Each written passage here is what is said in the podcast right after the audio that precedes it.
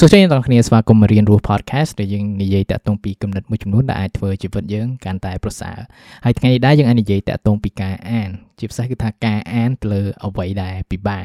វាជាសំណួរមួយដែលថាខ្ញុំតែងតែបានពីមិត្តអ្នកស្ដាប់ទាំងអស់គ្នាគឺថាតើធ្វើយ៉ាងម៉េចដើម្បីជ្រើសរើសសភៅដែលថាវាត្រូវនឹងកម្រិតរបស់យើងហើយមួយទៀតគឺ តើធ្វើយ៉ាងម៉េចដើម្បីយកតាក់ទងពីសភៅដែលពិបាកចំពោះខ្ញុំគឺថាតាក់ទងពីការអានសម្រាប់ការវិវត្តខ្លួនណាគឺវាអត់ដូចនៅការអានដែលយើងរៀននៅសាលាដោយសារអីព្រោះថាការដែលយើងរៀននៅសាលាដូចឧទាហរណ៍ថារៀនអង់គ្លេសអញ្ចឹងទៅដូចសភៅ Headway អញ្ចឹងទៅគេមិនមានកម្រិតគេត្រូវដូចឧទាហរណ៍ថាកម្រិតអង់គ្លេសយើងប៉ុណ្ណេះយើងអានសភៅនេះឬក៏រៀនសភៅនេះប៉ុន្តែពេលដែលយើងរៀនចប់ហើយយើងដល់ចំណុចមួយដែលថាយើងត្រូវស្វែងយល់នឹងចំណេះដឹងផ្សេងផ្សេងដែលខ្លួនឯងពេលយើងទៅហាងសភៅគេអត់មានកម្រិតទេសភៅមួយមួយគេអត់មានដាក់ផ្លែថាសភៅហ្នឹង intermediate ឬក៏ advanced អីគឺគេអត់និយាយហើយដោយសារសភៅទាំងអស់ហ្នឹងអត់មានការកំណត់ជាក់លាក់តាក់ទងពីកម្រិតពេលខ្លះយើងយកសភៅមកក៏វាអាចពិបាកសម្រាប់យើងអានដែរហើយចំពោះខ្ញុំខ្ញុំគិតថាតាក់ទងពីការអានសភៅពិបាកគឺមិនមែនជាអ្វីមួយដែលថាមិនល្អសម្រាប់យើងហើយមិនប្រកាសថាការដែលយើងអានអ្វីដែលពិបាកគឺថាយើងអាចយល់បានទេតាមពិតទៅការដែលអានសភៅដែលថារៀងពិបាកជាងកម្រិតយើងជាពិសេសថាពិបាកបន្តិចដែលថាយើងអាចយល់បានខ្លះខ្លះគឺវាជាអ្វីមួយដែលថាវាជួយទាញក្នុងការយល់ឬក៏ចំណេះដឹងរបស់យើងនឹងវាដូចជាកស៊ូអញ្ចឹងណាបើសិនបើយើងអានតែអ្វីដែលថាយើងយល់វាស្រួលយល់ដោយសារអីព្រោះថាវាជាអ្វីមួយដែលថាអាចมันមានអ្វីថ្មីសម្រាប់យើងយល់ទៅអញ្ចឹងវាមានន័យថាអ្វីដែលពិបាកហ្នឹងវាពោពេញទៅដោយចំណេះដឹងដែលថាយើងខ្វះខាតដែលថាយើងអាចយល់ដឹងហើយមួយទៀតគឺវាចង្អុលបង្ហាញតាក់ទងពីអ្វីដែលថាយើងខ្វះខាតយើងគួរមើលទៅលើហ្នឹងអញ្ចឹងគឺថាយើងកំភៃតាក់ទងពីសភៅពិបាកហើយសភៅដែលខះខះអីអស់ហ្នឹងហើយតាក់ទងពីការអានសភៅដែលពិបាកទាំងអស់ហ្នឹងខ្ញុំអាចចែករំលែកតាក់ទងពី គំនិតឬក៏វិទ្យាសាស្ត្រមួយចំនួនដែលខ្ញុំប្រើប្រាស់ក្នុងការអានរបស់ខ្ញុំក្នុងការយល់និងពង្រីកចំណេះដឹងខ្លួនឯងពីការអានសភៅទាំងអស់ហ្នឹងទីមួយអ្វីដែលសំខាន់បំផុតគឺថាពេលដែលយើងអានណាពេលដែលយើងជួបអ្វីមួយដែលថាយើងអត់យល់យើងកុំឈប់យើងកុំឈប់ប៉ុន្តែយើងបន្តអានបន្តទៅមុខទៀតអ្វីដែលសំខាន់គឺថាការដែលយើងអានយើងផ្ដោតទៅលើអ្វីដែលយើងយល់ជាជាងអ្វីដែលយើងមិនយល់ទម្លាប់នៃការអានមួយដែលថាយើងមានពីសាលាគឺថាយើងត្រូវអានឲ្យយល់ឲ្យអស់ យកអានឹងឲ្យបានទៅតមុខទៀតបានប៉ុន្តែការដែលយើងអាននៅក្នុង consumption រាល់ថ្ងៃសម្រាប់ខ្លួនយើងជាចំណេះដឹងដែលថាអត់មានតេស្តអត់មានអីចឹងគឺវាមិនចាំបាច់ថាយើងត្រូវយកអាចំណុចហ្នឹងដើម្បីបន្តទៅមុខទៀតព្រោះថាប៉ះសិនបើយើងអានដល់ចំណុចមួយដែលថាវាពិបាកយកឬក៏វាពិបាកខ្លាំងមែនតើហ្នឹងប៉ះសិនបើយើងឈប់ចាំដល់យើងយកបានយើងបន្តទៅទៀតមានន័យសភៅហ្នឹងគឺថាយើងអានអត់ចប់ទេអាហ្នឹងគឺមួយហើយមួយទៀតគឺថាការដែលយើងផ្ដោតទៅលើអ្វីដែលថាយើងអត់យកយកផ្ដោតអ្វីដែលថាយើងអាចទាញការយកខ្លះហ្នឹងអញ្ចឹងក៏វាជាអ្វីមួយតែរារាំងការផ្ដោតអារម្មណ៍របស់យើងឬ attention របស់យើងទៅលើអ្វីដែលថាយកហ្នឹងជាធម្មតានៅក្នុងសភៅមួយវាអាចមានកន្លែងខ្លះស្រួលមានកន្លែងខ្លះដែលថាវាពិបាកអញ្ចឹងហើយហើយនេះគឺជាការវាស់វែងតាក់ទងពីកម្រិតនៃការយករបស់យើងកន្លែងណាដែលថាយើងអាចយកបាន យើងយកទៅហើយកន្លែងណាដែលថាយើងអាចយកបានណាអ្វីដែលថាយើងអាចធ្វើបានគឺថាយើងអាចសរសេរសំណួរឬក៏លើលើกระดาษហ្នឹងយើងដាក់សញ្ញាសួរចឹងមកហើយថ្ងៃក្រោយយើងអាចមកសភៅហ្នឹងវិញហើយយើងអាច review ពេលដែលយើងអាចមកវិញដោយឧទាហរណ៍ថាមួយឆ្នាំក្រោយយើងអានសភៅនឹងម្ដងទៀតឬក៏ប្រហែលខែក្រោយយើងអានសភៅនឹងម្ដងទៀតយើងប្រហែលជាមានការយកខ្លះសំខាន់គឺថាពេលដែលយើងអានសភៅដូចឧទាហរណ៍យើងអានយើងអត់ឈប់យើងកុំឈប់គឺថាអានបន្តទៅមុខរហូតហ្នឹងពេលដែលចប់ហ្នឹងហើយ let's say ថាយើងអត់ចូល100%មែន it's okay យើងអាចយកថាបានតែ50%ក៏បានឬក៏25%ឬក៏10%ក៏បានដែរសំខាន់គឺថាការដែលយើងយកបានប្រមាណភាគរយណាវាល្អជាងយើងអត់យកសោះហើយជាពិសេសគឺថាអត់យកសោះដោយសារយើងឈប់ណាកន្លែងយើងអត់យកហើយយើងអត់បន្តក្នុងការអានបន្តបន្ទាប់ហ្នឹងហើយមួយទៀតគឺថាពេលដែលយើងត្រឡប់មកវិញពេលដែលយើងអានសភៅម្ដងទៀតយើងចាប់ផ្ដើមមាន base ហើយដោយសារអីព្រោះថាពេលដែលយើងអានដំបូងថាយើងអាចយក30 40 50%ហ្នឹងហើយយើងទៅអានម្ដងទៀតយើងអាច connect dot ល្អជាងមុនខ្ញុំនឹងនិយាយ បន្ថែមទៀតតាក់ទងពីការអានឡើងវិញហ្នឹងហើយតាក់ទងពីការអត់ឈប់ហ្នឹងបើយើងមើលតាក់ទងពីសភៅជាច្រើនមែនតើពេលដែលគេ introduce គឺគេបង្ហាញតាក់ទងពី concept អីមួយដែលថ្មីដែលថាអាចពិបាកយល់ពី3 chapter បន្ទាប់ឬក៏ប្រហែល passage ឬក៏ប្រហែល chapter បន្ទាប់ហ្នឹងគឺថាគេបញ្យោតាក់ទងពី context ហ្នឹងឯងគេឲ្យជាឧទាហរណ៍គេឲ្យជានិយមន័យមួយថ្មីឬក៏គេបកស្រាយធ្វើម៉េចឲ្យយើងយល់សំខាន់យើងត្រូវយល់ដែរគឺថាអ្វីដែលជាចំណុចសំខាន់ដែលថាអ្នកសរសេរចង់ឲ្យយើងយល់អ្នកសរសេរប្រកាសជាចំណាយពេលច្រើនក្នុងការបញ្ចូលចំណុចហ្នឹងឯងអានេះដូចឧទាហរណ៍សភៅមួយឈ្មោះ Range ដែលសរសេរដោយ David Epstein សភៅហ្នឹងគាត់ argue តាក់ទងពីការដែលយើងរៀនមានជំនាញទូទៅឲ្យបានច្រើនសិនទៅពេលដែលយើងនៅក្មេងហើយហើយចាំយើងរើសតាក់ទងពីជំនាញដែលថាយើងចង់មាន mastery ឬក៏មានជំនាញខ្លាំងទៅលើហ្នឹងហើយពេលដែលគាត់ argue ហ្នឹងគឺថាប្រហែល chapter ដំបូងគាត់ explain នៅ idea ហ្នឹងហើយប្រហែល chapter បន្ទាប់គាត់នឹងនិយាយ idea ហ្នឹងដដែលតែត្រង់ថាគាត់ឲ្យជាលក្ខណៈ example ឬក៏ទៅតាម research ផ្សេងផ្សេងតាម industry ផ្សេងផ្សេងអញ្ចឹងទៅអញ្ចឹងការដែលយើងអត់ឈប់ហ្នឹងពេលដែលយើងអានទៅមុខគឺគេហៅគេប្រយោជន៍ហើយនេះគឺជាអ្វីដែលថាយើងគួរយកដែរជាធម្មតាពេលដែលយើងរៀនអានដំបូងដំបូងគឺថាយើងផ្ដោតម្ដងមកពាក្យយើងយកហ្នឹងមកពាក្យយើងយកមកហ្នឹងមក ពាក្យហើយយើងយកម្ដងមក clear ម្ដងមក clear ហើយការដែលយើងផ្ដោតទៅលើអា detail តូចតូចតូចតូចពេកហ្នឹងគឺថាយើងអត់ឃើញ big picture អញ្ចឹងបាន ជាច្រើនមែនតើពេលដែលយើងអានសភៅហើយគឺសួរថាតើ main idea ឬក៏ចំណុចសំខាន់នៃសភៅហ្នឹងអីគេគឺថាយើងពិបាកគិតយល់មែនតើព្រោះថាភាសាអីគឺថាយើងផ្ដោតទៅលើចំណុចតូចតូចជាច្រើនដែលថាវាអត់សំខាន់ទៅហ៎អញ្ចឹងមានថាការដែលយើងកំពុងអានហ្នឹងមិនមានថាវាចាំបាច់ដែលថាយើងត្រូវយល់គ្រប់ពាក្យទេពាក្យខ្លះគឺថាយើងអាចកាត់យល់ខ្លួនឯងបានពាក្យខ្លះគឺថាគេត្រូវលេងអ្នកសរសេរគាត់លេងពាក្យអីចឹងតែមិនមានន័យថាយើងចាំបាច់យល់ទេដូចឧទាហរណ៍ថាបើអាន fiction ចឹងគេអាចលេងពាក្យផ្សេងផ្សេងដូចឧទាហរណ៍ថាដើមឈើមួយចឹងទៅស្លឹកឈើជ្រុះគេនិយាយតាក់ទងពីចលនាស្លឹកឈើជ្រុះអីចឹងវាវែងប៉ុន្តែបើយើង simplify ទៅ វាសាមញ្ញមែនតើគេថាត្រូវស្លឹកឈើជ្រុះប៉ុណ្ណឹងប៉ុន្តែគេអាចលេងពាក្យអីមួយចំនួនដែលថាយើងអត់យកហ្នឹងអញ្ចឹងការដែលយើងអានផ្ដោតទៅលើអ្វីដែលយើងយកហើយយើងខំប្រឹងអានទៅមុខទីកំប្រឈប់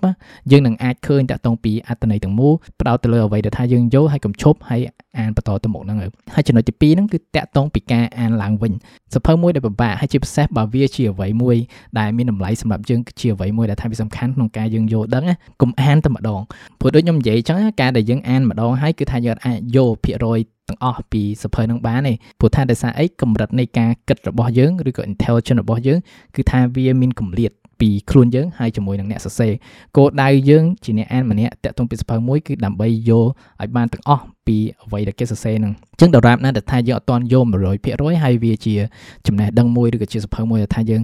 ចង់ master ទៅលើអញ្ចឹងកុំអានតែម្ដងយើងអានម្ដងហើយម្ដងទៀតដើម្បីធ្វើយ៉ាងម៉េចចម្រាញ់ការយល់ដឹងពីសភៅហ្នឹងឲ្យវាសោះហ្មងមកហើយការដែលយើងបានយកខ្លះខ្លះបន្ទាប់ពីការអានចប់ដំបូង20% 30%ហ្នឹងពេលយើងអានឡើងវិញដូចខ្ញុំប្រាប់អញ្ចឹងគឺថាយើងចាប់ផ្ដើម connect the dot ហើយវាមានភាពងាយស្រួលជាងមុនហើយព្រោះថាមួយទៀតគឺថាពេលដែលយើងអានលើកទី1ហ្នឹងគឺយើងចាប់ផ្ដើមដឹងតាក់ទងពីក្រងងឆ្អឹងឬក៏ structure នៃសភៅហ្នឹងគេ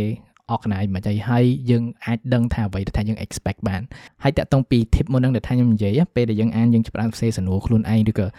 សរសេរសញ្ញាសួរមួយនៅចំណុចមួយដែលថាយើងអត់យកអញ្ចឹងពេលដែលយើងទៅម្ដងទៀតគឺថាយើងអាចមានចម្លើយទៅសារអីគឺថាក្នុងកម្រិតក្នុងរយៈពេលហ្នឹងបើសិនបើយើងយកពេលគិតពីអ្វីដែលថាយើងរៀនពីសភៅហ្នឹងនៅក្នុងជីវិតរបស់យើងគិតតាក់ទងពីបទពិសោធន៍ជីវិតរបស់យើងពេលយើងមកវិញគឺថាយើងចាប់ផ្ដើម ពង្រីកនៃការយល់ដឹងរបស់យើងឯងអានេះដូចឧទាហរណ៍សភៅដូច meditation Marcus Aurelius គឺថាខ្ញុំអានម្ដងហើយម្ដងទៀតម្ដងហើយម្ដងទៀតគឺថាខ្ញុំអានមួយឆ្នាំម្ដងអញ្ចឹងណាហើយពីការអានពីម្ដងហើយម្ដងទៀតហ្នឹងគឺថារាល់ដងហ្នឹងគឺថាខ្ញុំក្នុងក្នុងចំណុចពេលផ្សេងផ្សេងគ្នានៅក្នុងជីវិតរបស់ខ្ញុំដូចឧទាហរណ៍ពេលមួយគឺថាខ្ញុំទៅរៀនចប់ខ្ញុំអានសភៅហ្នឹងហើយមួយទៀតគឺថាពេលដែលខ្ញុំធ្វើការនៅផ្នែកនេះហើយពេលមួយទៀតគឺថាពេលដែលខ្ញុំចូលធ្វើការមួយថ្មីអីចឹងទៅហើយការផ្លាស់ប្ដូរទាំងអស់ហ្នឹងពេលដែលយើងទៅអា material ដដែលដដែលហ្នឹងក៏វាជួយពង្រឹងនៃការយល់ដឹងរបស់យើងដែរអាហ្នឹងដូច clear មួយដែលនិយាយដល់ Heraclitus គាត់និយាយថាគ្មាននរណាម្នាក់ដើរចូលទឹកទន្លេដដែលព្រោះថាដោយសារអីព្រោះថាមនុស្សម្នាក់ហ្នឹងគឺផ្លាស់ប្ដូរពេលដែលគាត់មកឆ្លងទន្លេម្ដងទៀតហ្នឹងគាត់ផ្លាស់ប្ដូរហើយគាត់មានបទពិសោធន៍ផ្សេងផ្សេងទៀតហើយមួយទៀតទន្លេហ្នឹងក៏វាផ្លាស់ប្ដូរដែរបើយើងមើលទឹកទន្លេគឺថាវាអត់មានរូបរាងតែមួយគឺថារូបរាងវាទឹកអីគឺថាផ្លាស់ប្ដូររហូតទៅ ហើយអាហ្នឹងគឺអញ្ចឹងការដែលយើងទៅ material ដដែលហ្នឹងវានឹងអាចបង្កើតនៅ new understanding មួយសម្រាប់យើងវាអាចពេលហ្នឹងយើងចាប់ផ្ដើមចាស់ទុំជាងមុនវាអាចពេលហ្នឹងគឺថាយើងមានបទពិសោធន៍នឹងការយល់ដឹងមួយចំនួនដែល relate តាក់ទងពី feel ហ្នឹងអញ្ចឹងយើងនឹងយល់ដឹងជាច្រើនតាក់ទងពីសភៅហ្នឹងហើយខ្ញុំយល់ពេលខ្លះគឺថាយើងតែងតែចង់អានបានសភៅថ្មីថ្មីឲ្យបានច្រើនច្រើនណា ប៉ុន្តែខ្ញុំនិយាយមែនការអានគឺមិនត្រឹមតែការស្រូបនឹងការមានចំណេះដឹងមួយថ្មីប៉ុន្តែវាជាការស្វែងរកសភៅតើសភៅណាដែលវាសំខាន់សម្រាប់យើងដែលយើងគួរតែត្រឡប់ទៅវិញម្ដងហើយម្ដងទៀតហ្នឹងហើយចំពោះខ្ញុំពេលដែលខ្ញុំអានសភៅមួយដំបូងវាគ្រាន់តែជាការសាក់លបងរសជាតិឬក៏ចង់ដឹងថាអ្នកសរសេរហ្នឹងគឺថា align ជាមួយនឹងអ្វីថាខ្ញុំចង់ដឹងអត់ហើយបើសភៅហ្នឹងជាអ្វីមួយដែលសំខាន់ខ្ញុំដាក់នៅក្នុង list មួយគឺថា list ដែលខ្ញុំនឹងអានឡើងវិញម្ដងទៀតព្រោះថាដោយសារអីខ្ញុំរកឃើញសភៅមួយដែលថាខ្ញុំគួរតែមើលនិងច្រាញ់ចំណេះដឹងឲ្យច្រើនពីសភៅហ្នឹងអញ្ចឹងពេលដែលអានចេះកត់ត្រាហងតើសភៅណាដែលថាយើងគួរអានឡើងម្ដងទៀតបន្ទាប់ពីប្រហែលខែប្រហែលឆ្នាំមកព្រោះថាសភៅមួយដែលល្អខ្លាំងគឺมันគួរតែយកមកអានតែម្ដងឯងអានម្ដងហើយអានម្ដងទៀតហើយអ្នកនឹងឃើញតម្លៃពីសភៅហ្នឹងជាច្រើនមែនតើយុទ្ធសាស្ត្រទី3គឺជាការស្វែងរកតាក់ទងពី material ផ្សេងផ្សេងដែល relate តាក់ទងពីសភៅដែលយើងអានហ្នឹងជាធម្មតាពេលដែលយើងអានតាក់ទងពី subject អីមួយអ្វីដែលថ្មីវាតែងតែពិបាកឯក្នុងការយកតាក់ទងពីចំណេះដឹងទាំងអស់ហ្នឹងអ្វីដែលថាយើងអាចធ្វើបានយើងអាចមើលក្នុងសភៅហ្នឹងតើសភៅហ្នឹងគេមាន site តាក់ទងពី reference ណាខ្លះដោយឧទាហរណ៍ថានៅក្នុងសភៅជាច្រើនមែនតើពេលដែលគេសរសេរគេតែងតែមាន quote ពីនរណាម្នាក់ហើយ quote ចេញពីសភៅណាអីចឹងចំពោះខ្ញុំពេលដែលខ្ញុំអានសភៅមួយដែលល្អចឹងណាពេលដែលអ្នកសរសេរគាត់តែងតែ reference ពីសភៅអីមួយខ្ញុំតែងតែ note សភៅនោះទុកខ្ញុំដាក់នៅក្នុងអា to read list ខ្ញុំដើម្បី explore បន្ថែមព្រោះថានេះគឺជាអ្វីមួយដ៏ល្អមែនតើប៉ះសិនបើយើងមើលមកមនុស្សម្នាក់ឬក៏អ្នកសរសេរម្នាក់គឺជាមនុស្សម្នាក់ដែលឆ្លាតណា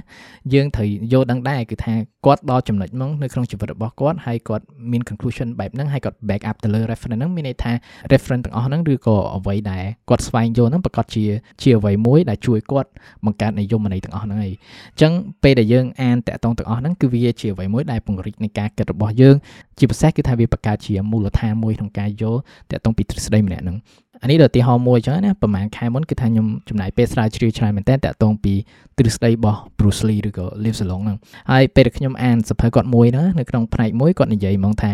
សភៅណាដែលគាត់បានអានហើយសភៅណាដែលគាត់ recommend ហ្នឹងហើយពេលដែលខ្ញុំឃើញអញ្ចឹងគឺថាខ្ញុំចាប់ផ្ដើមឃើញហើយគឺថា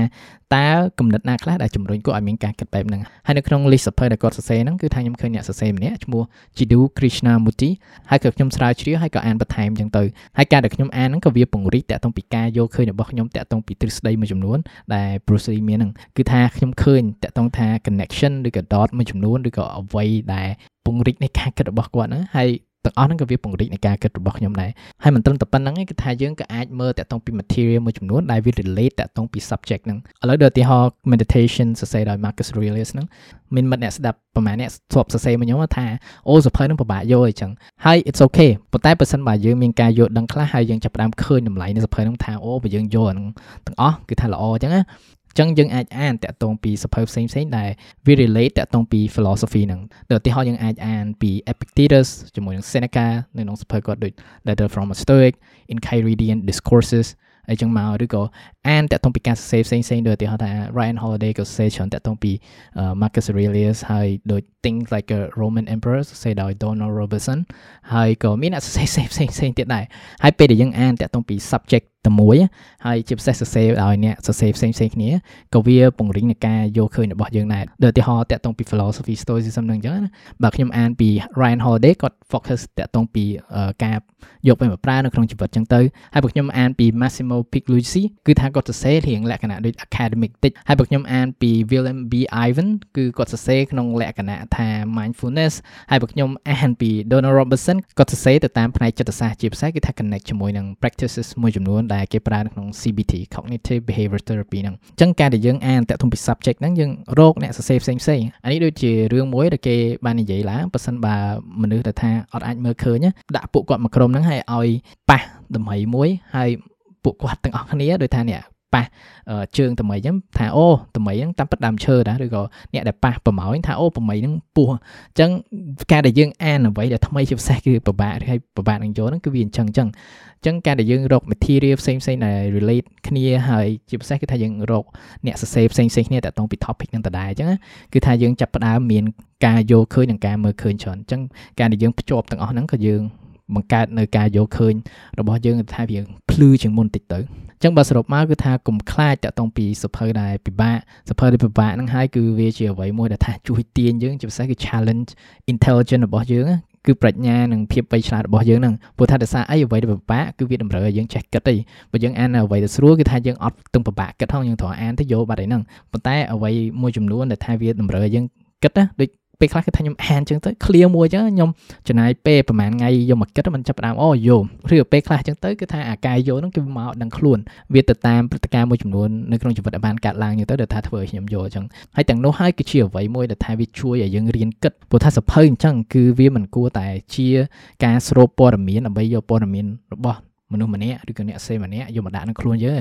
ប៉ុន្តែយើងគួរតែប្រើព័ត៌មានទាំងអស់ហ្នឹងយកមកជំរុញនៃការគិតរបស់យើងការដែលយើងចេះគិតហ្នឹងគឺថាយើងចេះវិនិច្ឆ័យនិងបង្កើតនៅអ្វីដែលថ្មីបន្តទៅទៀតការអានហ្នឹងគឺមិនមែន copy paste ទេប៉ុន្តែវាជាអ្វីមួយដែលជំរុញនៃការគិតរបស់យើងជួយយើង articulate ការគិតរបស់យើងឲ្យកាន់តែភាសាហ្នឹងហើយខ្ញុំសង្ឃឹមថាយុទ្ធសាស្ត្រទាំងនេះថាខ្ញុំយកមកប្រើដែលថាជួយខ្ញុំអានសភៅពិបាកពិបាកហ្នឹងគឺវាអាចជួយអ្នកដែរតែតុងពីការ អានរបស់អ្នកហ្នឹងអញ្ចឹងអរគុណមែនទែនក្នុងការស្ដាប់អេពីសូតនេះហើយប្រសិនបើរៀនរស់ podcast ជាអ្វីមួយដែលមានតម្លៃសម្រាប់អ្នកអ្នកអាច support រៀនរស់ podcast នៅក្នុង www.patreon.com/monipatili ខ្ញុំអរគុណមែនទែនក្នុងការ support ហើយនឹងការស្ដាប់នៃ podcast នេះអញ្ចឹងចាំជួបគ្នាថ្ងៃក្រោយក្នុងអំឡុងពេលនេះអភិវឌ្ឍខ្លួនជានិច្ច